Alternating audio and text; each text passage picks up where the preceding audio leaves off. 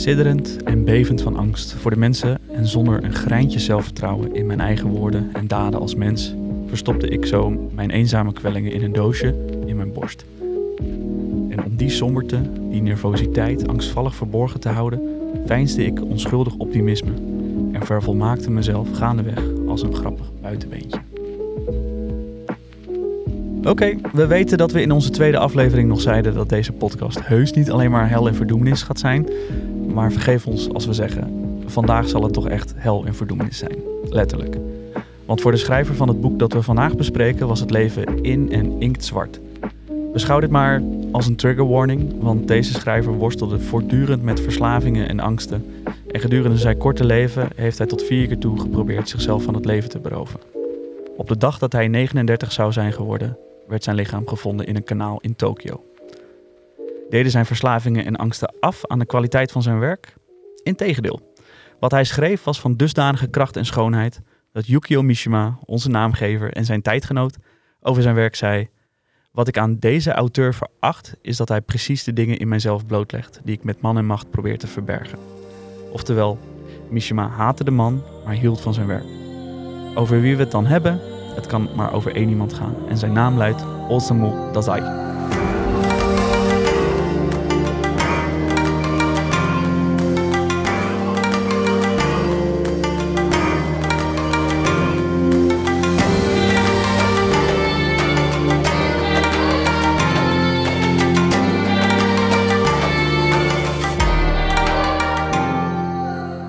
Is aflevering 8. Als mens mislukt. Konnichiwa allemaal. Hier zijn je favoriete literaire podcasters weer. Tenminste, dat hoop ik dan. Mijn naam is eh, Rens Blijnberg en eh, tegenover me zit eh, Laurens van den Broek. En je luistert naar Aapnoot Mishima. de Nederlandstalige podcast over Japanse literatuur zorgvuldig geplaatst in de juiste historische context. Nou Laurens, daar zijn we weer. Daar zijn we weer. Na een eh, paar weken, misschien nog maar twee, wa- wanneer was de laatste aflevering? Oeh, eh, dat was bij ons op de zolderkamer en toen was het nog bloedheet, eh, weet ik nog. Oh ja, Dus het zal... dat was eh, begin september. Ja, nog welke ja, dag. Het was ja, 1 ja. september toen we opnamen. Iets later kwam die aflevering uit. Kijk, Dus we zijn nu, nou, laten we zeggen, een week of zes, zeven verder. Precies de tijd die ik soms nodig heb om een boek uit te lezen. Dus dat klopt dan denk ik net. ja, anders ik wel. Ik ben ook niet zo'n snelle lezer, dus helemaal prima. Nee, nee. En het was ook niet zomaar een boek vandaag. Nee, nee. ehm, ehm, het, het, het is misschien wel het meest zwartgallige boek dat we tot, eh, tot nu toe hebben gelezen. Ja, wat dat betreft past die wel goed in de tijd eh, van het jaar. Dat het langzaam donkerder wordt en het begint alleen maar nog aan. Het regent alleen nog maar. En, eh, Het, het is geen horror, hè? even. nee, nee, nee, nee. Het, is geen Halloween boek of zo. Nee. Maar ja, het is niet een boek wat je door een steeds donkerende wereld, de donkerde wereld met alles wat er gebeurt in de wereld ook eh, wat je even doorheen sleept of je van dat Nee, nee, eh, wereldproblematiek afleidt. Dus wat dat betreft eh, zal ik hem misschien nu even laten liggen nog als je hem nu wil oppakken en meteen begin, begint met lezen. Zoals we al zeiden in de, in de intro, de trigger warning. dit gaat wel echt over duistere, ehm, duistere dingen. Klopt, klopt. Zullen we dan eerst naar, nog iets naar wat, wat luchtigers voordat we helemaal eh, het boek eh, induiken? Want eh, ja, we zijn een paar afleveringen begonnen met een soort nieuwsrubriek. Wat dingetjes noemen wat er allemaal gebeurt in het land van de Japanse literatuur. Het land van de reizende zon. Ehm, wat staat daar allemaal te wachten, eh, Laurens? Je hebt wat dingetjes opgeschreven. Ja, eh, drie dingetjes eigenlijk. Ehm, eh, en eh, dit is wel interessant, want het eerste dingetje waar ik het dan over had, is, gaat eigenlijk over het boek dat we vandaag gaan bespreken. Ehm, dat heet Als mens mislukt, of Ningen Shikaku eh, op zijn Japans. En dat is geschreven dus door Osamu Dazai. Dit boek komt op eh, donderdag 16 november uit bij uitgeverij Cossé. Dan ligt hij ook in de boekhandels. En ehm, het leuke is, eh, eh, goed, wij hebben allebei de Engelstalige versie gelezen, omdat de Nederlandstalige versie nog niet uit is. Nee. Maar ik had eh, een beetje last minute, maar ik had een, even een lijntje uitgegooid naar uitgeverij Cossé. En zij waren ontzettend blij om, om mee te werken. en ze zeiden van, joh, we hebben nog geen fysieke boeken, die zijn nog niet binnen. Maar we kunnen jullie wel alvast het boek in pdf-vorm sturen. Eh, zodat wij die nog eh, kunnen inzien. En dat is heel fijn, want daardoor eh, kunnen, we ook, ehm, eh, kunnen we ook refereren aan ehm, het, het Nederlandstalige boek. waardoor jullie zometeen als het boek uitkomt in november, gelijk op de juiste plek kunnen zijn met alle referenties die we doen. Ja, en jij kon ook beginnen met een Nederlands citaat. Dat was ook wel fijn. hè? Ja, dat scheelt toch een hele hoop, want my English is pretty good, maar niet echt eh, impeccable. Dus eh, Nee. ik ben blij dat ik, eh, dat ik hem in, in het Nederlands kon voorspreken. Ja. Ja, ik vond hem ook fijn om nog een soort van her te lezen in het Nederlands. Ja, ja zeker. Ja, Het, het, het scheelt. Kijk, Engels, Engels is, mijn Engels is inderdaad best goed. Dus ik, ik meeste snap ik wel, maar ik moet, ik moet ook gewoon her en der dingen opzoeken. En het is heel fijn om dat dan naast de Nederlandstalige versie te kunnen leggen, zodat je ja, eigenlijk een, een, een derde partij hebt, namelijk de vertaler, die, die eh, vanuit zijn of haar expertise ehm, eh, zo'n zo'n quote eh, vertaalt. En, en da- daardoor heb je gewoon een beter begrip van wat de, eh, wat de oorspronkelijke schrijver bedoelt. Nou, dus leuk. vandaar. Ja, dus dat is heel fijn. Dus dan schrijft in je agenda 16 eh, november komt hij uit. Yes. Dan En dan, kopen. ja, ja, dan gaan we gelijk door naar het tweede nieuwtje. Want ehm, eh, wij waren in de vorige aflevering vergeten te vertellen dat er eh, nog een roman eh, vertaald was vanuit het Japans naar het Nederlands. Het gaat om de roman De Fabriek van Hiroko Oyamada. Ehm, misschien heb je wel eens gehoord van Weasels in the Attic. Heb je dat misschien een keer voorbij zien Ja. komen ergens? Nou, Ja. Zo, dit is ook een van de eerste keer dat ik iets al weet van Ja. tevoren. nee, dat valt wel mee, toch? Nee, nee, maar ehm eh, Hiroko Oyamada die ehm, eh, heeft dus onder andere ook The Hole en ehm, eh, dit, boek De Fabriek geschreven. The Hole is voor zover ik weet ook nog niet vertaald en Weasels in the Attic ook nog niet. Maar dit boek kwam dus uit op eh, 12 september 2023 en dat is uitgekomen bij uitgeverij Atlas Contact. Luisteraar Jonathan van der Horst van het Instagram-kanaal Verloren in Vertaling, eh trouw hier, die, die wees ons hierop. En eh, dus dank daarvoor, Jonathan.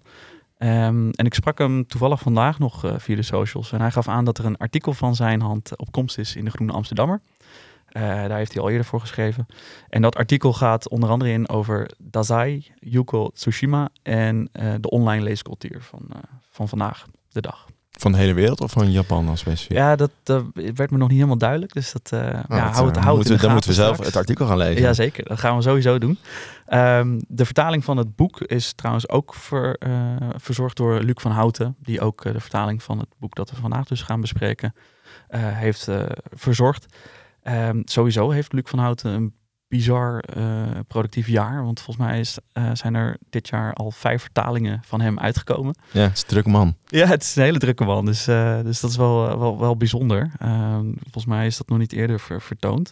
Dus ehm, eh, ja, we hebben er ontzettend veel zin in. Ehm, maar ik noemde zo net ook al Yuko Tsushima. Mhm. Ken je haar? Nee. Nee. Nou, daar moeten we het toch even over hebben. Want haar roman Een vrouw rent over een berg verscheen deze zomer bij uitgeverij De Bezige Bij. Eh, en die werd ook opgenomen in de zomercollectie van eh, Schwab Books, de actie. Oh, Eh, sorry. Ik zit dus nu het eh, draaiboek te lezen, hè, stiekem. Ik lees dan even mee, want, jij, anders- want jij schrijft het allemaal neer. En ik ken die naam dus wel, maar dat komt dus... Ah. Ja, omdat ik hier ook het antwoord zie staan. natuurlijk. Of tenminste dat jij zegt wie het is. Ja, ja. Ehm, maar ja, ik heb inderdaad wat stukjes gelezen over, Heel goed. Over onze schrijver van vandaag. En daar Ja. komt deze naam weer voor, een paar keer. Ja, ja, ja, ik dacht, al, hey, die naam komt me bekend voor mij. Meestal weet, weet ik niks over Japanse schrijvers. Maar deze keer, eh, nou, heb ik nu al twee keer, dat twee keer dat ik wel weet. Kijk, deed toch een be- belletje rinkelen. Nou, vertel dan, wie, wie, wie is het? ja, Yuko Tsushima is, eh, is de dochter van eh, Osamu Dazai. Want Dazai was namelijk zijn schrijversnaam. Ja. In het echt heet hij Shuji Tsushima. Ts- Tsushima moet ik zeggen. Eh, en eh, Dazai die overleed toen zijn dochtertje ongeveer een jaar oud was. Ehm, en ja, goed, die dynamiek maakt eh, Yuko Tsushima sowieso al een bijzondere schrijver. Ehm, eh, maar zij staat wel echt op haar eigen benen qua wat zij schrijft. Volgens mij is een paar jaar geleden is het boek uitgekomen dat ik hier ook bij me heb. Ehm, het domein van licht. En het is een ontzettend mooi, mooi boek. Een dunnetje, maar wel echt een, echt een bijzondere roman.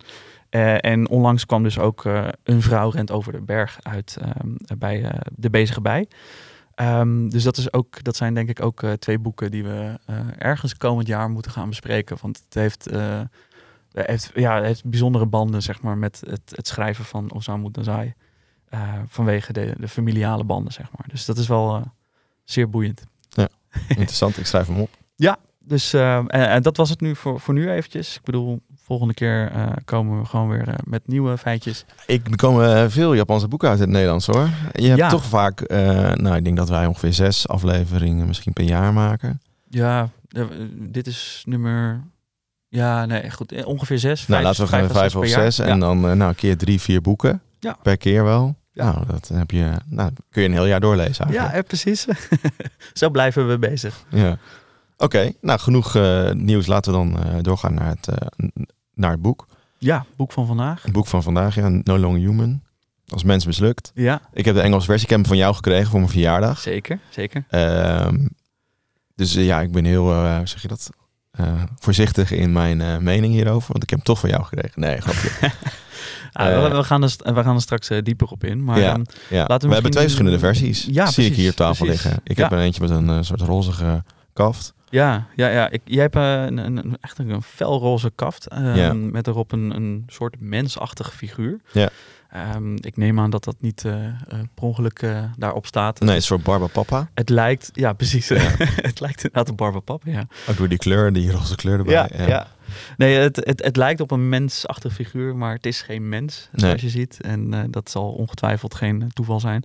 Eh, wat er bij mij op staat, ik heb een, ik heb een harde kaft-editie Ja. ehm, van, van New Directions. Ehm, het, is, het is een ontzettend mooi vormgegeven boek. Dus, het is een zwarte kaft met erop een bordeaux-rode ja, menselijke bloem, lijkt het. Ja. Ehm, Ja, of een oog. ja, ik zeg, ik zeg menselijke bloem, want het, het, het lijkt in ieder geval op een bloem. Rood kleur, een soort klaproos. Maar in plaats van een knop in het midden van de bloem eh, zie je een menselijk oog. Ehm, en ja, dat eh, moet inderdaad ook symbool staan voor van alles en nog wat. Ja, en tussen wat mij, ik zie, ik zie de- deze kaft nu voor het eerst hoor. Ehm, maar ook een soort van, eh, je kent de schreeuw wel, dat schilderij. Sorry? De schreeuw, De schreeuw? Ja, Ja. van Edward Munch. Ja. Ja, ja. die zie je hier ook wel een beetje in. Je ziet een soort mannetje, eh, Ah. dit is zijn gezicht. Dus dat, nou, je ziet dan de bladeren van de bloem waar Laurens het net over had. En drie van die bladeren lijken ook een soort van twee armen en het hoofd te vormen. En die armen die, of die zo zich gewoon tegen zich aandrukken. Verdomd. Ja, dat was mij nog niet opgevallen, maar dat, eh, heb je goed en dat komt volgens mij ook terug in het verhaal. Ja, dus ja. eh, dat is wel interessant. Ja, eh, dat heb je goed gezien. Ik- dat eh, was mij nog helemaal niet opgevallen. Nou. Echt super tof. En op de achterkant zie je eh, ja, de, de weerwar van eh, Japanse telefoonlijnen en draden die allemaal boven, boven, de weg, eh, boven de wegen hangen. Ehm, dat zal ongetwijfeld ook eh, betekenis hebben. De weerwar in het hoofd van de schrijver, denk ik. Ja. Ehm, hele mooie editie, eh, maar het is exact dezelfde vertaling verder van Donald Keane. Ja, is het ook Ja. dezelfde layout in het boek zelf? Ja, volgens mij wel. Want Eh, eh, ik zag dat, We kunnen het een beetje naast elkaar leggen. En jullie kunnen het thuis natuurlijk niet zien, maar ja, ja, zo maar te ook zien. het- dit. Ja, dit, ja, dat heeft de, zeker. de Nederlandse vertaling ook, zag ik in de pdf. En dit zijn dan eh, Japanse tekens, zeg maar. Eh, Ja. het, het boek is opgedeeld in eh, ehm, een intro, een outro en eh, Drie drie, drie notitie, notebooks, notitieboeken. ehm, waar eh, ja, de, de schrijver ehm, zijn eigen, eh, hoe moet je dat zeggen? De, eigenlijk de hoofdpersonage, ehm, die heeft eh, die notebooks geschreven. En het intro en het outro, het is een soort raamvertelling eigenlijk. De Ja. intro en het outro zijn dan geschreven door een, een derde persoon, een buitenstaander, die dit hele boek dan eh, als het ware Beschouwt. heeft geschreven. Beschouwt, inderdaad. Ja. Ja. Ja, Maar eh, ja, die Japanse tekens staan, eh, staan bij, bij mij er ook in, inderdaad. Dus het is, het is verder van de binnenkant exact dezelfde layout. Ja. Ehm, maar dit is dan een hardcover editie. Je hebt een, een, softback, zeg maar. Ja, ja. Ehm, dus ja, het zijn allebei Ja, en je kunt ook zien dat we allebei, en daar hebben we natuurlijk al vaak over gehad, allebei andere lezers zijn. Jij hebt hem netjes onderhouden, want hij zit er allemaal al vouwen en zo in. Maar dat komt Ja. dat ik hem altijd met tas doe, dus ja. En Nee, dat, ik vind dat dat erbij hoort, maar jij vindt dat niet. Ik Ja. had het al- toch over een, eh, over een case of zo. Ja. eh, om- Nee, Nou, dat- ik, gooi, hem- ik gooi hem gewoon in mijn tas. Het, is goed. een gebruiksvoorwerp. Snap ik, snap ik. Ja. En ik werk in een erfgoedbibliotheek waar we boeken heel voorzichtig bewaren, maar zelf doe ik dat nooit. Kijk, dat is toch ook wel eh, weer interessant. Oké, dus nou, we hebben dus twee verschillende ehm, exemplaren. Moeten we Ehm, misschien ook nog eventjes bespreken hoe de, de, de, de Nederlandstalige versie eruit ziet? Of eruit gaat zien? Ja, dat weet ik niet. Eh, ik kan hem er even bij pakken. Het is namelijk een, eh, een, een, een mooie rode versie. Eh, Mhm. Ik kan hem hier even laten zien. Ja, Laurens draait zijn MacBook even om. Hartstikke idee. Oh ja, die heb ik wel gezien. Ja, sorry. Ja, ja Toevallig dus, eh, eh, vanochtend nog met een collega besproken. Ja. Het is een mooie rode editie. Volgens mij is het een, een softcover. en er staat dus Osamu Dazai als mens mislukt. Uit het Japans vertaald door Luc van Houten op.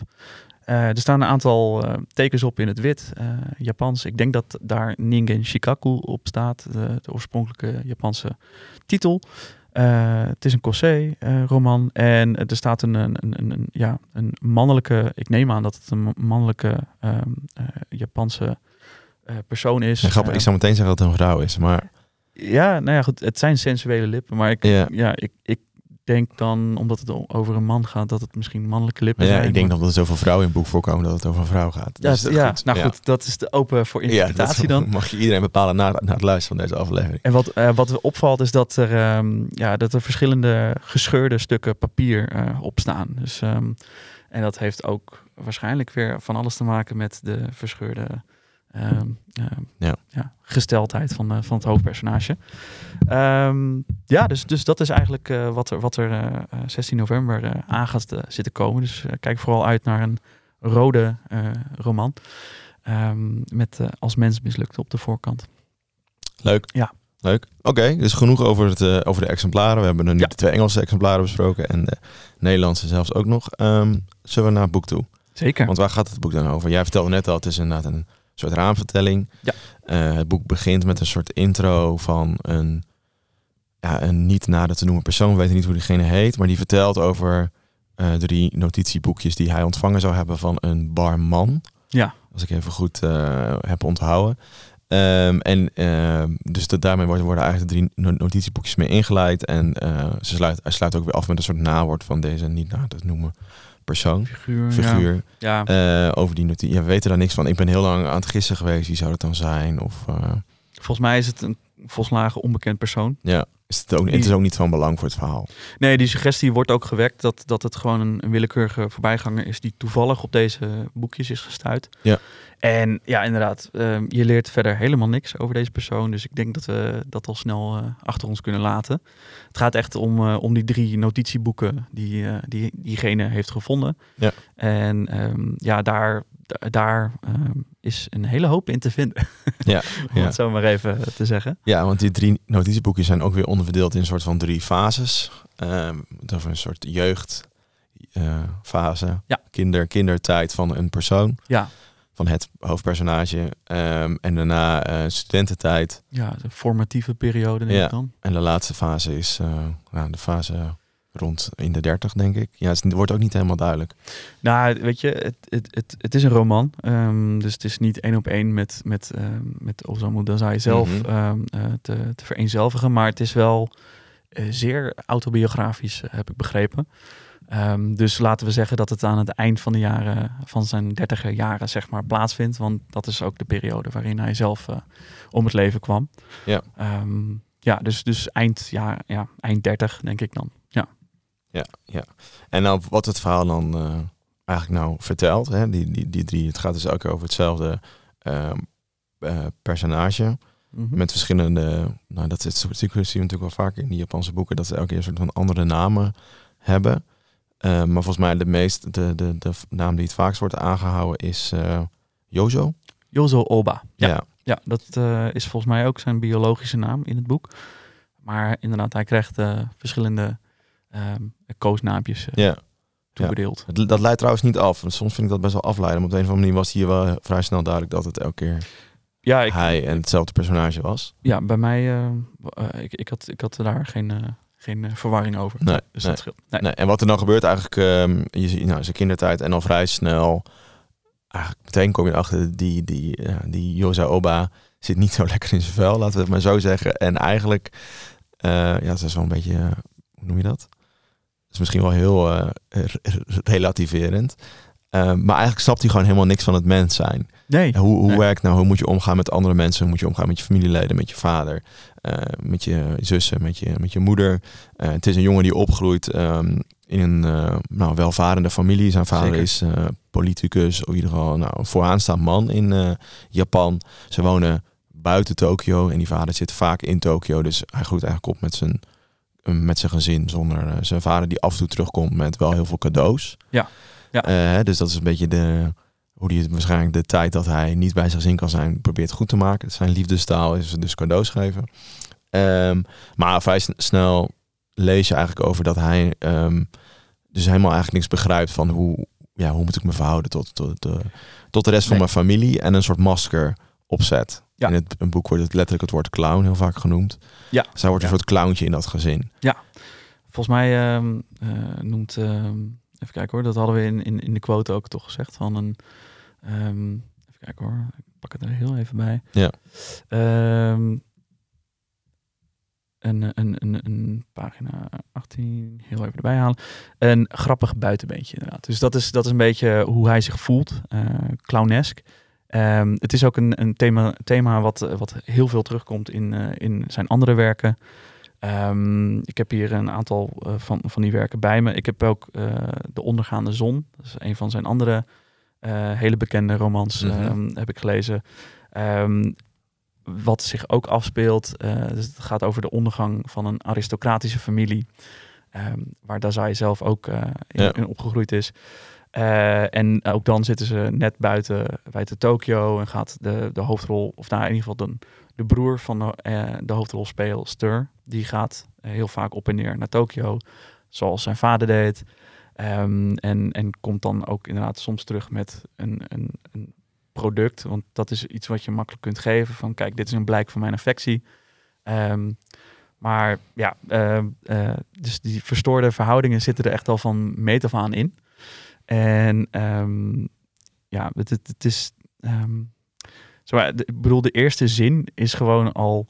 eh, ik begrijp helemaal niks van mensen. Of eh, iets, iets van die, die strekking. Ja. Ik pak, pak het er heel even bij wat de Nederlandse vertaling is. We hebben hem natuurlijk in het, eh, in het, of, in het Engels gelezen. Ehm, in het Nederlands is het een leven vol schaamte heb ik geleid. Het dagelijks bestaan van mensen, daar krijg ik geen vat op. Nee. Dus het is iemand die zich eh, van meet af aan gewoon al buiten eh, alle andere mensen plaatst. Ja. En, en inderdaad gewoon geen begrip heeft van menselijke relaties, van onderlinge dynamieken. Hij snapt daar niks van. Ehm, maar hij krijgt op een gegeven moment wel in de gaten van... Goh, als ik grapjes maak, als ik de clown uithang... als ik eh, een soort, als een soort cabaretier ehm, eh, in dat gezin ronddans... dan word ik soort van gepruimd en word ik geaccepteerd. Dus dat houdt hij aan. En dat is, dat is de les die hij uit zijn eh, verleden heeft getrokken. En dat houdt hij eigenlijk eh, heel lang vol. Eh, hij blijft zijn hele leven lang alleen maar maskers opzetten. Ja. Terwijl hij zich dan achter dat masker verschrikkelijk voelt. Ja. Ja. ja. En ehm, en het is wel grappig, want in dat eerste, eerste, dat eerste schriftje dan, dus van die kindertijd, heeft hij dus eigenlijk ook niet echt vrienden of zo. Of ja, niet echt een, een, een maatje. Totdat dus iemand, een eh, jongen, ehm, op, eh, op, die, op die school eh, zegt van, hem eigenlijk door, door hem heen prikt. Dat vindt hij dan weer zo interessant dat hij dan weer met die jongen dus weer optrekt. Dat is hier ook al, hè? Ja, Ja. ja. en dat is ook wel, wel nou, dat, dat zegt ook wel iets over hem, vind ik. Nou, gaan we eigenlijk naar dat tweede gedeelte, dan is hij een stukje oude studententijd. Ja. Ehm, en dan is hij, je had het net over die maskers, dat vind ik wel mooi, want in het tweede boek is- doet hij eigenlijk ook het maskers op, want ehm, hij ontmoet daar ook weer een, eh, een vriend, een man. Eh, ik weet niet zo goed hoe je zijn naam zou uitspreken. Ik eh, doe wel even een voorzet en dan kan jij het waarschijnlijk wel goed uitspreken, Laurens. Eh Takaichi? Ja, n- dat, dat klinkt perfect. Ja, top. Fijn, dat vind ik toch fijn. Ja. Wordt er steeds, wordt er steeds beter in. Ehm, en die eh, leert hem eigenlijk de wereld van alcohol, prostituees, maar ook Ja. schilderen kennen. Ja. En dat zijn ook voor hem weer manieren om die maskers op te zetten. Vooral drinken. Zeker. Hij kan niet stoppen met, eh, met, eh, met drinken. En drinkt op een gegeven moment zoveel dat hij ook eigenlijk niet meer naar zijn studie gaat. En Ja, ja. Bloedhoest en weet Bloedhoest ik. Ja, en- dat ja. gaat niet, niet helemaal goed, nee. nee, Understatement trouwens, maar goed. ja, Ehm nou ja, hij, hij was, hè, zoals Osamu Dazai zelf ook ontzettend verslaafd was aan eh, opiaten, eh, alcohol, andere soorten drugs. Ehm, eh, ja, is, is, de hoofdrolspeler Joze Oba zelf ook, ehm, eh, het gaat van kwaad tot erger. En ehm, zoals we zeiden, hij, op een gegeven moment drinkt hij zoveel dat hij zelfs bloed moet hoesten.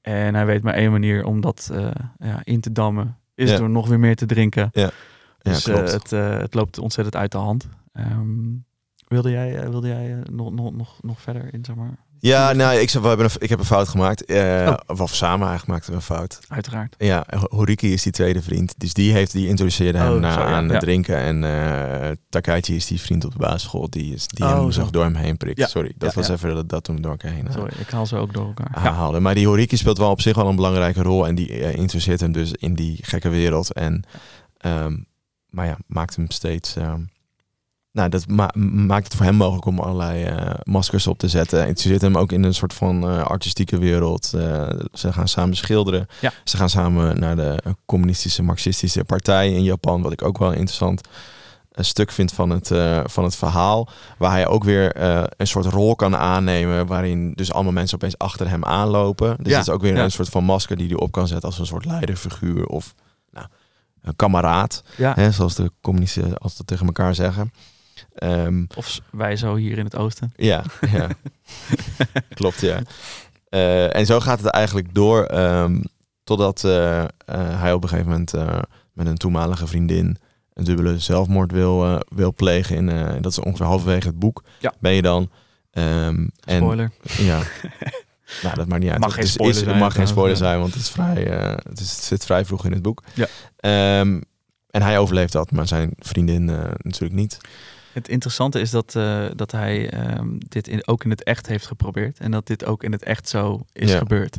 Nou, dat dus dus dat is dat ja. eh, autografische aspect, zeg maar. Hij heeft, eh, zoals we eerder zeiden, iets van vier pogingen gedaan om, om zelf, zelfmoord te plegen. En ehm, hij heeft inderdaad halverwege zijn eigen leven, dan heb ik het over Osamu Dazai, niet over, over het hoofdpersonage van het boek, ehm, eh, op, op deze manier zelfmoord geprobeerd te plegen. En daarbij is inderdaad eh, zijn minnaar ehm, of minnares eh, om het leven gekomen en hij zelf heeft het overleefd.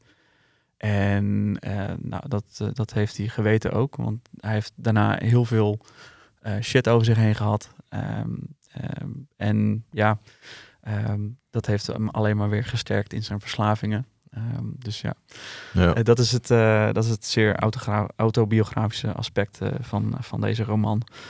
Ehm, mateloos fascinerend. En wat helemaal mateloos fascinerend is, is dat hij later in zijn leven, Osamu Dazai, niet, niet Jozo Oba, uiteindelijk echt, het, dat het is gelukt, zeg maar, om, om die zelfdoding eh, ehm, toe, te, toe te brengen, zeg maar. En, en op dezelfde manier. Dus vastgebonden met een obi, een, eh, een soort eh, ja, eh, heupband waarmee je je kimono vast kan, kan zetten. Ehm, die hebben ze aan elkaar vastgebonden en ehm, ze zijn samen daar die rivier ingelopen in Tokio. En zijn daar verdronken, allebei. Ja, heftig, ja. Heel heftig. Ja, en zo gaat het in dit boek dus ook eigenlijk de hele tijd. eh, ja, het is van het ene, eh, ene dieptepunt naar het andere dieptepunt. Ja, want ik kan nog wel verder vertellen. Eigenlijk in de derde acte, het derde notitieboekje, eh, zijn we nu inmiddels een beetje beland. Want hij heeft dus die zelfmoordpoging overleefd. Ehm, hij komt dan eigenlijk terecht eh, na lange tijd in het ziekenhuis ook nog even in de gevangenis gezeten te hebben. Want eh, dat is een wet in eh, Japan. Dus als je met z'n tweeën zelfmoord pleegt, de ene overleeft, de andere niet, dan word je gevangen genomen. Heb je een misdrijf gepleegd? Heb je een misdrijf eh, gepleegd? Ja. Ehm, zijn familie of zijn vader wil eigenlijk helemaal geen contact meer met hem op dat moment. Eh, maar een vriend van zijn vader eh, met de naam Flatfish of Platvis, Ja. eh, bijnaam, ehm, die gaat een beetje voor hem zorgen en neemt hem in huis. Krijgt wat geld van de broer van, ehm, van het hoofdpersonage eh, om voor hem te zorgen. Ehm, maar ja, hij kan natuurlijk daar niet aarden in, dat, in die gekke familie eh, van Flatfish. En eh, ontsnapt en gaat weer naar zijn oude vriend Horiki toe. Ehm, en daar komt hij in contact met een vrouw, Shizuku. Shizuku, Mhm. ja, die, die gefascineerd is door zijn artistieke werk. Want hij blijft ook nog wel tekenen en schilderen tussendoor. Samen met Horiki s- doen ze dat. Ja, hij is, Maken ze illustraties. Ja, ja, een Ja. Soort, soort, hij maakt illustraties voor kranten en, Ja, en tijdschriften. Tijdschriften, ja. ja. En, en Shizuku werkt bij zo'n tijdschrift of krant, Mm, is een journalist. En zegt, nou, ik kan wel goed woordjes voor je doen om wat, eh, nou, dat je wat, wat illustraties kan verkopen. Later in het boek eh, lees je ook dat hij eh, eigenlijk veel plagiaat pleegt. Dus gewoon oude illustraties pakt en die dus door eh, verkoopt. En alleen maar dus om aan zijn weder nieuwe, of tenminste zijn eh, verslaving eh, Hij toe te geven om dus een goedkope drank te kunnen kopen. je had Ja. toen nog niet echt eh, van die algoritmen die dat eh, zo eh, 1, 2, 3 op kunnen speuren via het internet. Hè? Nee. Dus dat, dat was ook gewoon van... joh, ik pak uit een lokaal servertje een illustratie. die, die maak ik dan net iets anders. Pas het net iets meer toe op wat er vandaag de dag gebeurt. En eh huppatee. Weer Ja, wat klopt, centen ja. verdiend. Ja. ja, en zo kon hij dus zijn, zijn verslaving, aan zijn verslaving voorzien. Hij ontmoet dan een 17-jarig meisje, waar hij mee gaat trouwen zelfs. Ja. En, Ja, eh, heftig. En, en, en, en kinderen krijgt. En eh, ja, dan zijn we eigenlijk eh, een beetje bij het einde van het verhaal. En het afloopt, ja, dat moet je dan zelf lezen. Ja, want ook daar gebeurt weer van alles. En het is vrij heftig. Dus ook weer trigger warning. Ehm, het, het, het, het is geen gezellig boek, laat ik het zo zeggen. Nee. nee, maar even in het kort, eh, als we dan in het kort nog het boek kunnen samenvatten. Het is dus eigenlijk een verhaal van een eh, hoofdpersonage wat het erg moeilijk heeft met zichzelf. Ja. En in drie soort levensfases lees je hoe, eh, hoe hij daar mee omgaat. En Ja. hoe de personen ook om hem heen daarmee omgaan. Dat vind ik nog wel, ook nog wel interessant. Hè? Dus bijvoorbeeld zo'n vriend of zo'n... eh, die journalisten die hem ook in, in, in huis neemt. Of die nieuwe vrouw van hem van 17 jaar. Ja. Hoe zij met zijn situatie eh, om kunnen gaan. Terwijl hij eigenlijk alleen maar bezig is met een soort van masker opzetten. Ja, ja, ja. Oké, ehm, pittig, eh, pittig verhaal. Zullen we ehm, straks er verder op ingaan, maar misschien even tijd nemen voor een, voor een feitje. Om even wat lucht te scheppen in de, in de aflevering. Dat lijkt me een heel goed plan. Ja, Laten we dat even doen.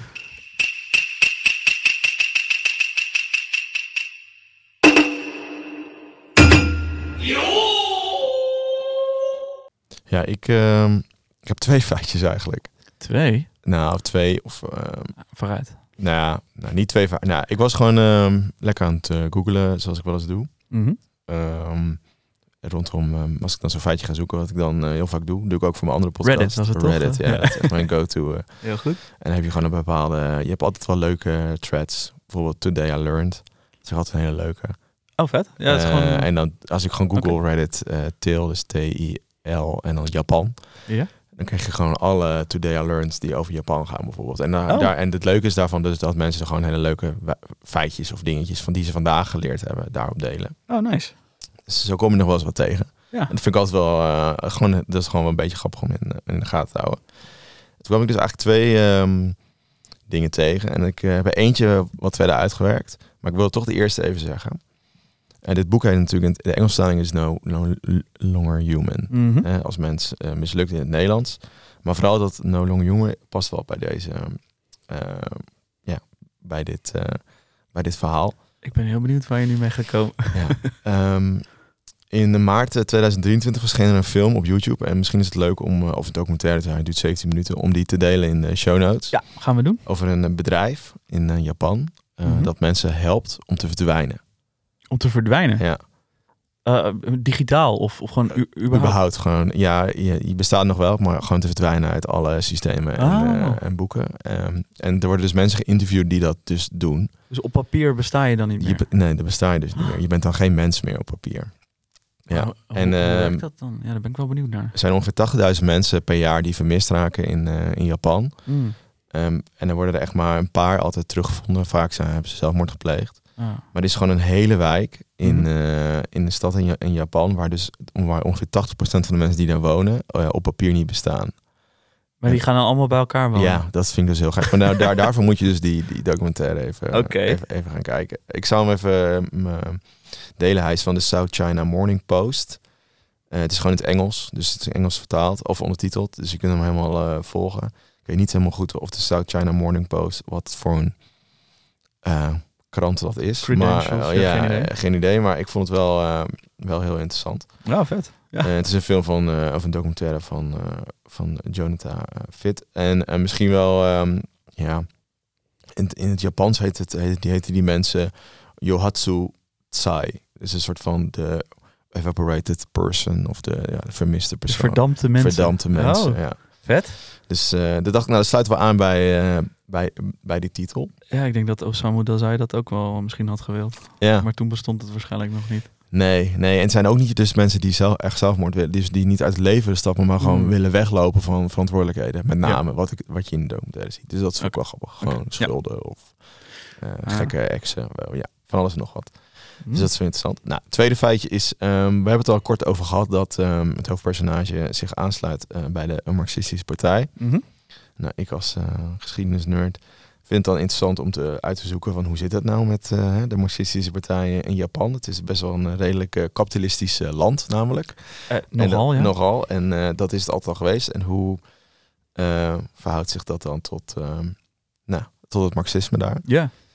Ehm, en dus ik ben dat een beetje heel kort even gaan uitzoeken, een beetje gaan, gaan, gaan googlen. Maar wat denk jij? Denk je dat die marxistische partij, ehm, dat het echt iets is geweest ooit in eh, Japan? Ja, eh, ja, ik, ik denk wereldwijd heeft het marxisme wel iets teweeg gebracht. Dus ik zou me niet verbazen als er ook een, een, een, een kleine Japanse... Mhm. En Marxistische durf je dan een soort van een tijd te kiezen in het verleden waarin, niet, eh, waarin dat dan een beetje groot zou kunnen zijn? Ook als je kijkt naar andere gebeurtenissen wereldwijd. Ja, dat zal dan de jaren 20, 30 zijn geweest. 40 misschien. Ja, dacht ik ook. Is, is in Japan is helemaal niet zo. Oh, huh? Ja. Eh, ik ben blij dat je dit antwoord geeft, want anders was dit feitje meteen voorbij. Maar eh, nee, klopt. Eh, dus ja, ik heb even wat, wat snel wat, wat opgezocht. En eigenlijk de, de partij, de Japanse Communist Party, JCP, Mhm. was, is ontstaan in 1922, maar had meteen al een soort illegale status. Dus alles moest ondergronds gebeuren, wat je natuurlijk ook overal in eigenlijk in ieder land ziet. Ehm, en in 1926 eh, kwamen er bepaalde wetten, de Peace Preservations Law. Ja, als je een beetje weet van Japanse geschiedenis, is dat, dat de keizer toen wat meer. Nou, eigenlijk wat je ook in heel de wereld ziet, dat mi- militarisme Ja. wordt populair. Ja. Ehm, en ook het nationalisme wordt populair. Eh, dus dat eh, zorgde er eigenlijk voor dat het nog moeilijker was om die communistische partij uit te voeren, te leiden, te zijn. Ehm, maar ja, tijdens de Tweede Wereldoorlog zie je wel dat het soort van verschillende rollen of iets meer aandacht krijgt. Ehm, en dat het best wel progressief is. Het is vooral een soort van progressieve partij in, eh, Progressief. ja, in. Japan. ehm, ehm, met wel steeds meer ook een soort van militaire inslag. Wat je natuurlijk ook wel een beetje in de Sovjet-Unie al zag. En uiteindelijk wordt het echt helemaal verboden daardoor. In, Ja. die, eh, in de Tweede Wereldoorlog. Door die nou, een soort van. dat het steeds groter werd. En mensen zoeken dan toch een soort van ander geluid in zo'n oorlog. Willen zich afkeren misschien wel van, van de Japanse staat. En komen dan bij, bij zo'n. Eh, bij zo'n communistische partij. Mhm. Maar eh, in de jaren 60 komt het weer terug. Het re-entered, eh, las ik op verschillende websites. Ook echt ook in de mainstream politiek, laat maar zeggen. Het wordt gewoon een partij waar je op kan stemmen. Ehm, en in de jaren 70 is het echt op een hoogste niveau. En is het de, de grootste, een van de grootste partijen. En is de grootste oppositiepartij in, in Japan. Ah, wow. Dus Ehm, het is echt gewoon een, een, een volwaardig... het is echt een soort van ding geweest, ja. PvdA, VVD is Ja, en dan in de- tweestrijd. in de, in de jaren 70. Nou, eh, daar zei sluit zich aan rond die net na die Tweede Wereldoorlog. Dus dat is wel interessant, want toen Ja. was die partij lag echt op zijn gat. Ja, Dus ik ben benieuwd in goed hoeverre. moment om in te stappen. Ja, hoe, hoe- dat past misschien ook wel bij zijn leven. Mits je erin gelooft. Ja. Eh, en in de jaren tachtig zie je eigenlijk dat eh, dat helemaal op zijn eind komt. Ook door dat hele nou, een soort van Margaret Thatcher-achtige aanpak overal in de Ah, wereld. En Japan ja. gaat natuurlijk dan helemaal een soort van wil, wil dan nog een van de grootste economieën worden. Nou, en Is toen ook wel gelukt, toch? Is toen ook Dus gelukt, in inderdaad. 80, 90 was het eh ja. een en al welvaart. Ja. Ah. Eh, maar eigenlijk maar zie je een soort van. kapitalistische welvaart. Dus dat is Ja, ja, dus dat sluit. Ja, dus dat, maar je ziet een soort van op en neergaande beweging. En nu ik kon niet zo heel veel vinden over hoe het nu gaat. Maar het is nog wel een soort van genormaliseerd in de, in de Japanse samenleving. Ja. Maar in 2021 verscheen er een boek. Die moeten we eigenlijk misschien wel lezen. Van een Japanse filosoof. Mhm. Ehm, eh, A New Way of Life, de Marxist Post-Capitalism Green Manifesto. Dus, Cool. eh, Klinkt echt een boek als... ja, dus eh, dat is een beetje de ondertitel hoe, hoe The Guardian eh, het, eh, het benoemt. Maar eh, het boek heet Marx in de Anthropocene. En het is van eh Kohei Sato, dat is een, eh, dat is een Japanse filosoof. En hij eh, scheidt dus niet zozeer als in hoe wij het oorspronkelijk misschien het marxisme kennen... vanuit eh, dat kapitalisme, maar juist vanuit vooral de problemen in de wereld... en vooral vanuit de klimaatproblemen. En dat kunnen we eigenlijk alleen maar stoppen ehm, door... eh, mm, hoe zeg je dat? Door niet meer te blijven groeien in de economie, maar juist eh, Degrowth. degrowth. Ja. Aha. Dat, en dat, die term gebruikt hij heel veel. En hij ziet een oplossing voor degrowth, of om dat te gaan doen, is door het marxisme in te herin te voeren of dat uit te gaan voeren. Dus veel meer alles te verdelen over elkaar. Nou, niet meer die enorme rijken en niet meer de grote, Nee, ja. groot met armen. En dit is dus een enorm populair boek in Japan. ehm, op dit moment. En hij is in 2023, dus dit jaar, verschijnt hij ook ehm, in het Nederlands, zag ik volgens mij zelfs. Oh, Dus misschien eh, timing. leuk eh, voor ons om... eh, Volgens mij kwam deze week kwam er nog een eh, onderzoek naar buiten Ja. eh, dat eh, de, de opzeenrijke miljardairs hier in Nederland eh, nog minder belasting betalen dan in Amerika. Ja. Ja, dat, ik, echt mijn hoofd explodeert daarvan. Dus ik vind, Ja. ik vind dat eh, de, de timing is echt eh, perfect eh, hiervoor, denk ik. Ja, dus hij is, eh, ja, je kunt hem nu in het eh, Engels en eh, volgens mij ook binnenkort in het Nederlands lezen. En misschien is het ook wel een keer leuk voor ons. Ja, we doen natuurlijk, het is geen literair, het is geen roman. Het is echt een, een non-fictieboek van een filosoof. Nou, maar het lijkt me wel een goede om, om komend jaar misschien een, een, een, soort non-fictie aflevering te maken. Ja. Waarin we verschillende aspecten van, van de Japanse samenleving, waaronder de politiek, maar ook misschien de ontstaansgeschiedenis, Ja. de militaire geschiedenis hè, met de shoguns en, en noem maar op. Om, om dat een keer eh, eh, uit te lichten. Lijkt me wel een goede. En ik denk dat jij dat ook wel, eh, Ja. kan- jou ook wel kan bekoren. Ja, zeker. Ja. Het is echt dus enorm, want het is, eh, in een half jaar tijd had het meer dan een half miljoen boeken verkocht in Japan. Eh, zo, Ja, dus het is zo, eh, zo populair. het, het raakt de snaar blijkbaar. Ja, het moet wel natuurlijk wel eh, een beetje, misschien een beetje context komt uit in, in COVID-tijd, hè, 2021. Mhm. Ehm, Iedereen leest boeken. iedereen leest boeken, tijd. maar ook eh, iedereen denkt van, nou, het is nu tijd om de wereld drastisch te veranderen Ja, door deze ja. lockdowns, et cetera. En nu zijn we twee jaar verder en merken we dat er helemaal niks veranderd is en dat het misschien al helemaal slechter gaat met de wereld dan voorheen. Ja, ja. Ehm, maar dat het misschien wel tijd is om even te gaan eh degrowen. Wat is dan een goed woord voor het Nederlands? Ontgroeien? Ontgroeien, ja. Of het ontgroeid klinkt ook weer alsof Klinkt je... beetje of ontgroend wordt als je voor het eerst getongd hebt met iemand. Maar als je iets ontgroeid bent, dan ben je het toch ook ja, verder. voor verder dan dat. Ja. dus misschien, ik weet niet. Degroeien? Nou, Ja. fuck it. Eh, we, we, komen hier nog op terug. Ja, eh, kleiner worden of zo, of smaller. Ja, iets in die Krimpen. richting. Krimpen, ja. Dat is, Is het. dat het misschien? Ja.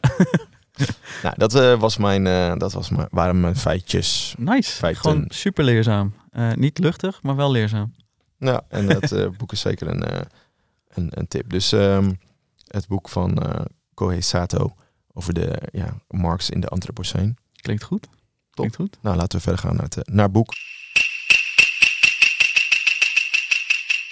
En dan gaan we eigenlijk verder met, eh, m- met de deep dive. En het fijne is, eh, eigenlijk is het werk voor ons gedaan al deze keer.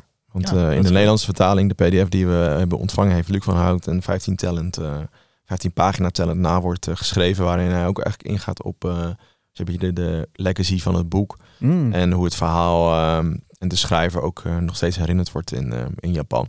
Ja. schrijft hij onder andere dat eigenlijk de plekken waar ook dit boek No, no, no Longer Human, zo, ik slikte me even in het woord, ehm, eh, nog steeds, laat maar zeggen, een soort van plaatsen van aanbidding zijn voor fans. Hè. Die gaan langs die metrostations, de bars waar hij gezeten heeft. Ook Ja. al zijn op sommige plekken is het niet meer herkenbaar als eh, in de tijd hoe hij eh, hoe het toen was. Ik, eh, ja, want ik, ik zag ook een, eh, een docu op, eh, op Mhm. YouTube eh, staan. En dan daar, eh, eh, daarin eh, laten ze ook beelden zien van, van, dat, hè, van eigenlijk een soort pelgrim... eh, eh, Pelgrim- eh, pelgrimage. Ja, het is een soort pelgrimage inderdaad naar zijn graf. elk jaar. Dat er echt honderden mensen zich daar verzamelen en zijn, hun waardering uitspreken voor eh, wat hij heeft geschreven en voor wie hij was. Ook al Ja. had hij best wel ja, moeilijk bestaan. Ja, ja, Luc van Hout schrijft er ook over. Die zegt dat ehm, een, ehm, de begraafplaats van de ehm Serinji-tempel, daar, ligt, eh, daar ligt hij begraven. En er staat er een Oh, bordje ja. waar dan zijn graf ligt. En er liggen, laten we zeggen, twee... En hij noemt het de grondleggers van de Japanse, moderne Japanse literatuur. eh Dazai en eh Ogai Mori. Ogai Mori, ja, Ja. die heb ik nog in mijn boekenkast staan. Ja. Nog niet gelezen, maar dat, die gaat ook sowieso aan bod komen. maar op een later punt. Ja, ja, en hij vertelt gewoon over dat contrast. Hè. Dus dat bij Dazai's graf allemaal bloemen staan, offeranden, bier, sake. Eh, dat er jaarlijks een, eh, een herdenkingsdag is op zijn sterfdag, waarin allerlei fans van jong en oud zijn eer komen betuigen. En bij het graf van Ogamori gebeurt helemaal niks. Dus het zegt ook wel iets over zijn status als een soort rockster bijna. Zou dat misschien ook komen door eh, Bungo Stray Dogs, die, die anime met al die... want, want daarin speelt Dazai een van de hoofdrolspelers. Ja. ja dus Zou kunnen, ja. Misschien dat het er... Ja, te maken ja. Nou, want eh, later schrijft eh, Van Hout ook dat ehm, ehm, eigenlijk dit verhaal No Long Humor ook in allerlei eh, anime's en manga's naar voren komt. In 2018 is nog een bekende manga geschreven door ehm, Junji eh, Ito. ja, Junji Ito. Ja, Ja, ja, ja. die, die ken jij ook, zei jij. Ja. zeker. Ja, het is een bekende horror manga artiest. Ja, en die heeft Eh. eigenlijk het verhaal een soort van herschreven. Best wel eh, overeenkomend met het echte verhaal van eh, Dazai. Maar daar Mm. wordt, blijft het verhaal natuurlijk ook populair. Zeker, ja. ja, Ja. ja. Ik zag hem eh, ook in, de. Donner liggen in Rotterdam. Oh, echt? ja, ja, ja, die hebben best wel een grote anime, manga eh, afdeling. Een vriendin van mij werkt daar en die zegt de meest gestolen boeken zijn Ja? alle manga's. Ja. Ja, oh ja, oh ja. Oh ja, maar dat die worden altijd wel netjes teruggebracht. Serieus? Ja. Anoniem? Of... ja. Ah, oké. Wauw. Dat is... Ja.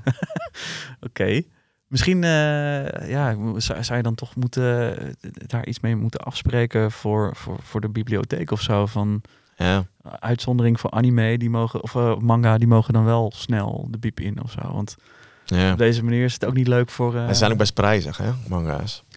een tientje, denk ik, toch, per, per volume? Ja, maar je leest natuurlijk, het is niet, je Nee, je het leest is anders dan een boek of Ja, zo. je leest het veel sneller Ja. natuurlijk. Ja, ja, ja. Ah, ja. Oké, ja, goed. eh, wel, wel netjes dat ze het terugkomen brengen. Dat, Ja. is dan, eh, dat is dan nog een soort van eh, redeeming factor hierin.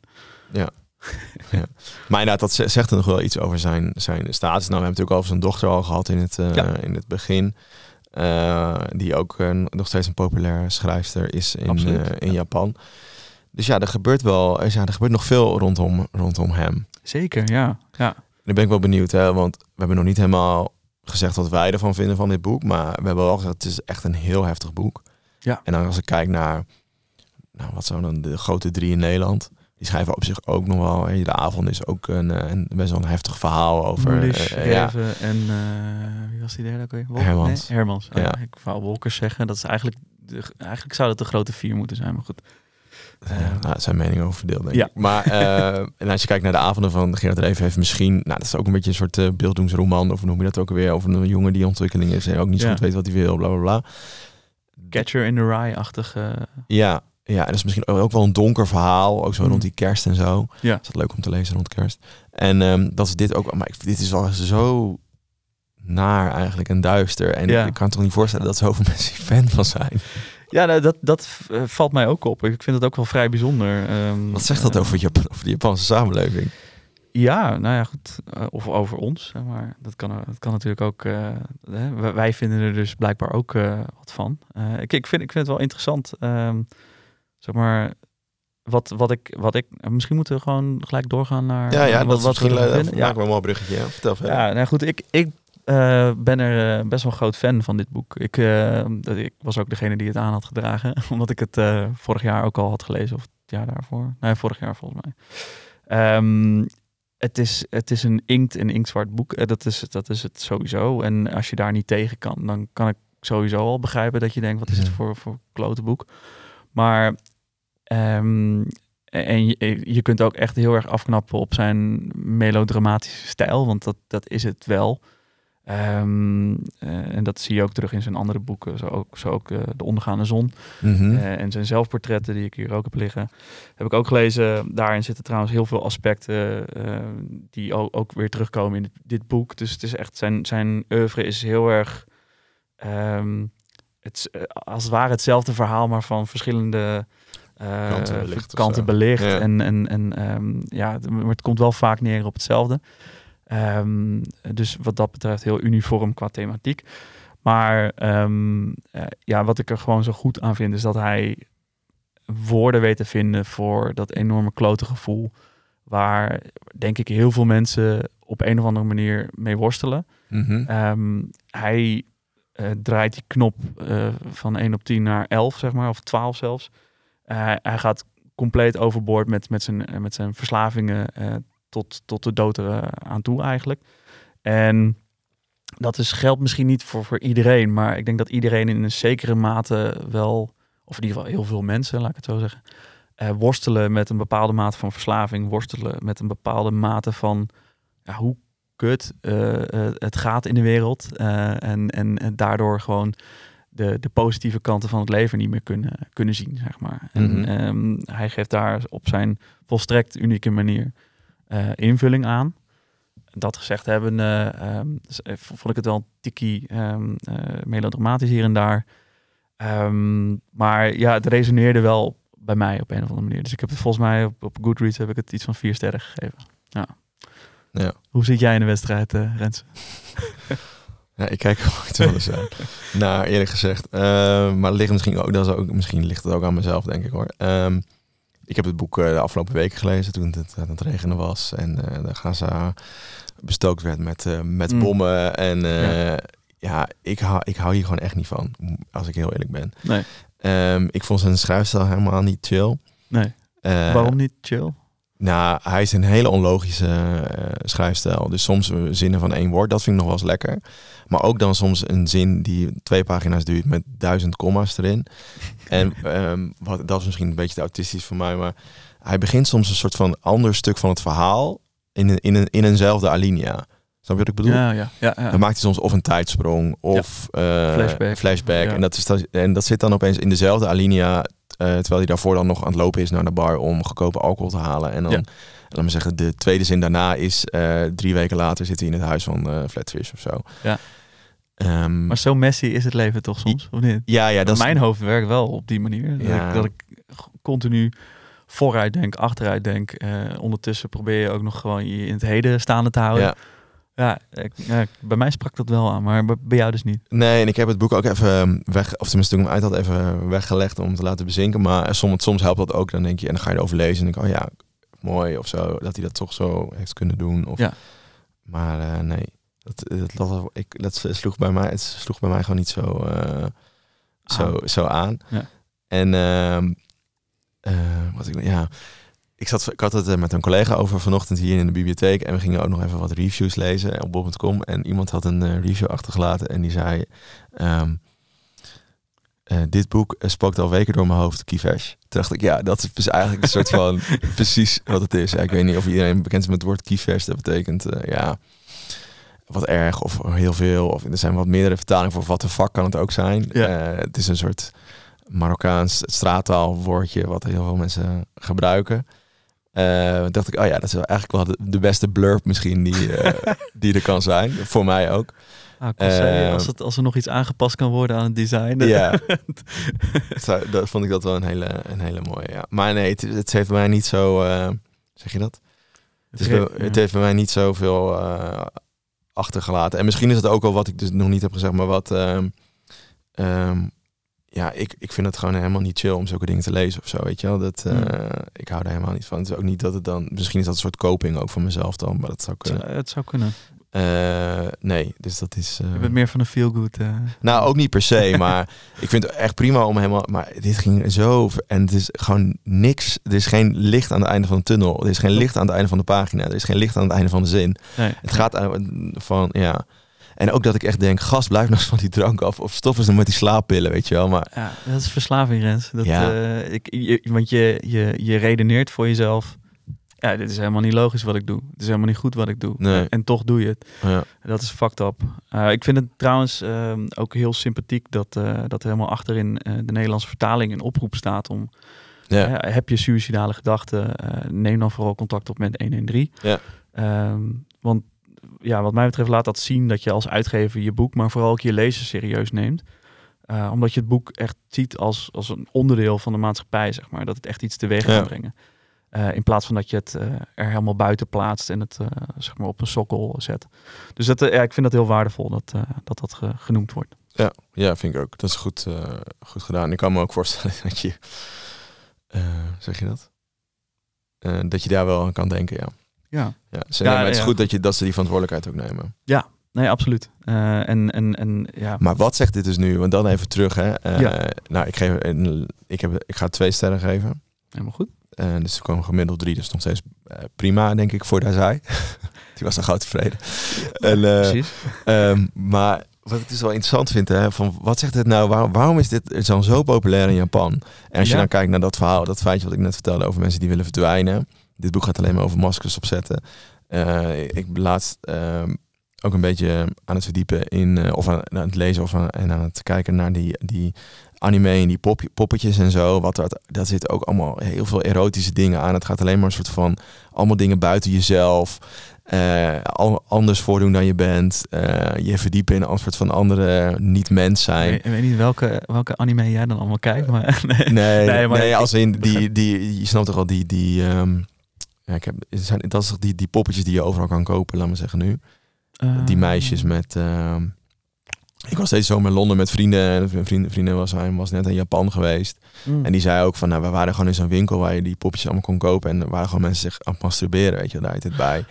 In de winkel? Ja, in die Oh, winkel, ja. Serieus? Ja. Oh, jeez. Ik, En, dacht, ik eh, maak een grapje, maar Nee, dat, was, dat gebeurde gewoon echt. En Oh. toen, toen, want we zaten in die poppetjes kijken van die je dan voor 80 euro kan kopen. een soort hentai. Ja, nou, nee, het zijn wel gewoon, het zijn, het zijn gewoon bijvoorbeeld vrouwen in, in een soort van scholierenkleding, weet je wel. Dus gewoon hele Oh. korte rokjes van die eh, Engelse.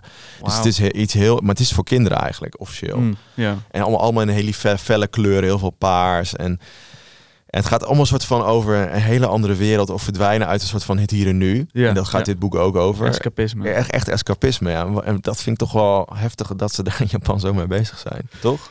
Ja, maar ja, ik, ik, eh, zeg maar, het is daar wat meer genormaliseerd volgens mij dan hier. Maar het is daar, daar word je ook heel raar aangekeken als je, als je in het openbaar staat te masturberen. Maar ehm, eh, ik, denk- ik denk dat die scene hier waarschijnlijk ook wel bestaat. Maar dat wij daar Ja. gewoon niet zo- zo'n weet van hebben. Maar ehm, ja, Ja, ik kan er niet helemaal de vinger op leggen en ook niet helemaal die, die drie dingen die ik net zei bij elkaar brengen in mijn hoofd, als in dit boek, de populariteit en ehm, dat masker opzetten, wat heel veel Japanners elke keer doen. ja, Maar toch ook weer wel of zo op de een of andere manier. Snap je, in mijn hoofd zit daar een soort link tussen die ik nog niet helemaal leg, maar misschien maar- eh, komen we daar nog uit. het, het, het hele, de hele thematiek van maskers opzetten doet me ook aan Yuko, eh, of, ehm, Yukio Mishima Ja. denken. Eh, het eerste boek was de laatste, of a ja.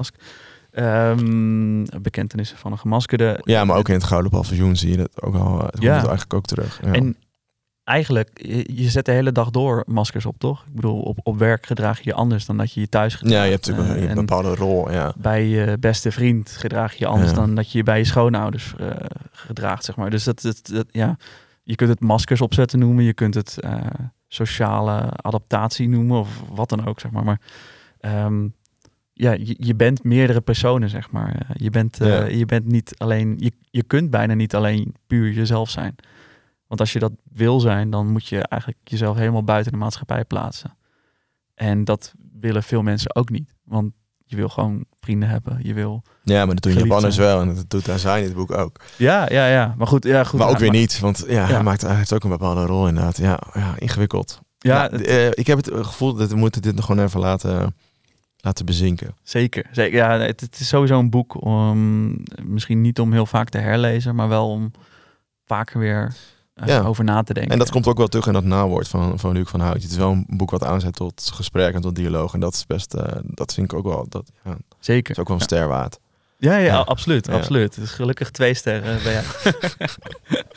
Eh, ja, ja, echt goed. Ik, ik, ik zie het net even wat anders. Eh, misschien omdat het bij mij ja, gewoon wat dichterbij komt of zo. Ik, Ja, ik weet niet. ook dat het meer resoneert bij jou dan bij mij. Ja. Ja, nou goed, ik had het ook bij de ondergaande zon. Ik, ik vind zijn schrijfstijl vaak net iets te, te larmoyant, net iets te, te, te, te, te emo, zeg maar. Ja. Ehm, maar de, de dingen waar hij over schrijft zijn nog steeds super relevant. Eh, misschien wel meer relevant dan ooit. Eh, gezien onze, onze huidige online eh, ehm, maatschappij. Ehm, hè, dat beetje dat dystopische waar, waar ik persoonlijk dan wel goed op ga. Ehm, Ja. Jij misschien wat minder.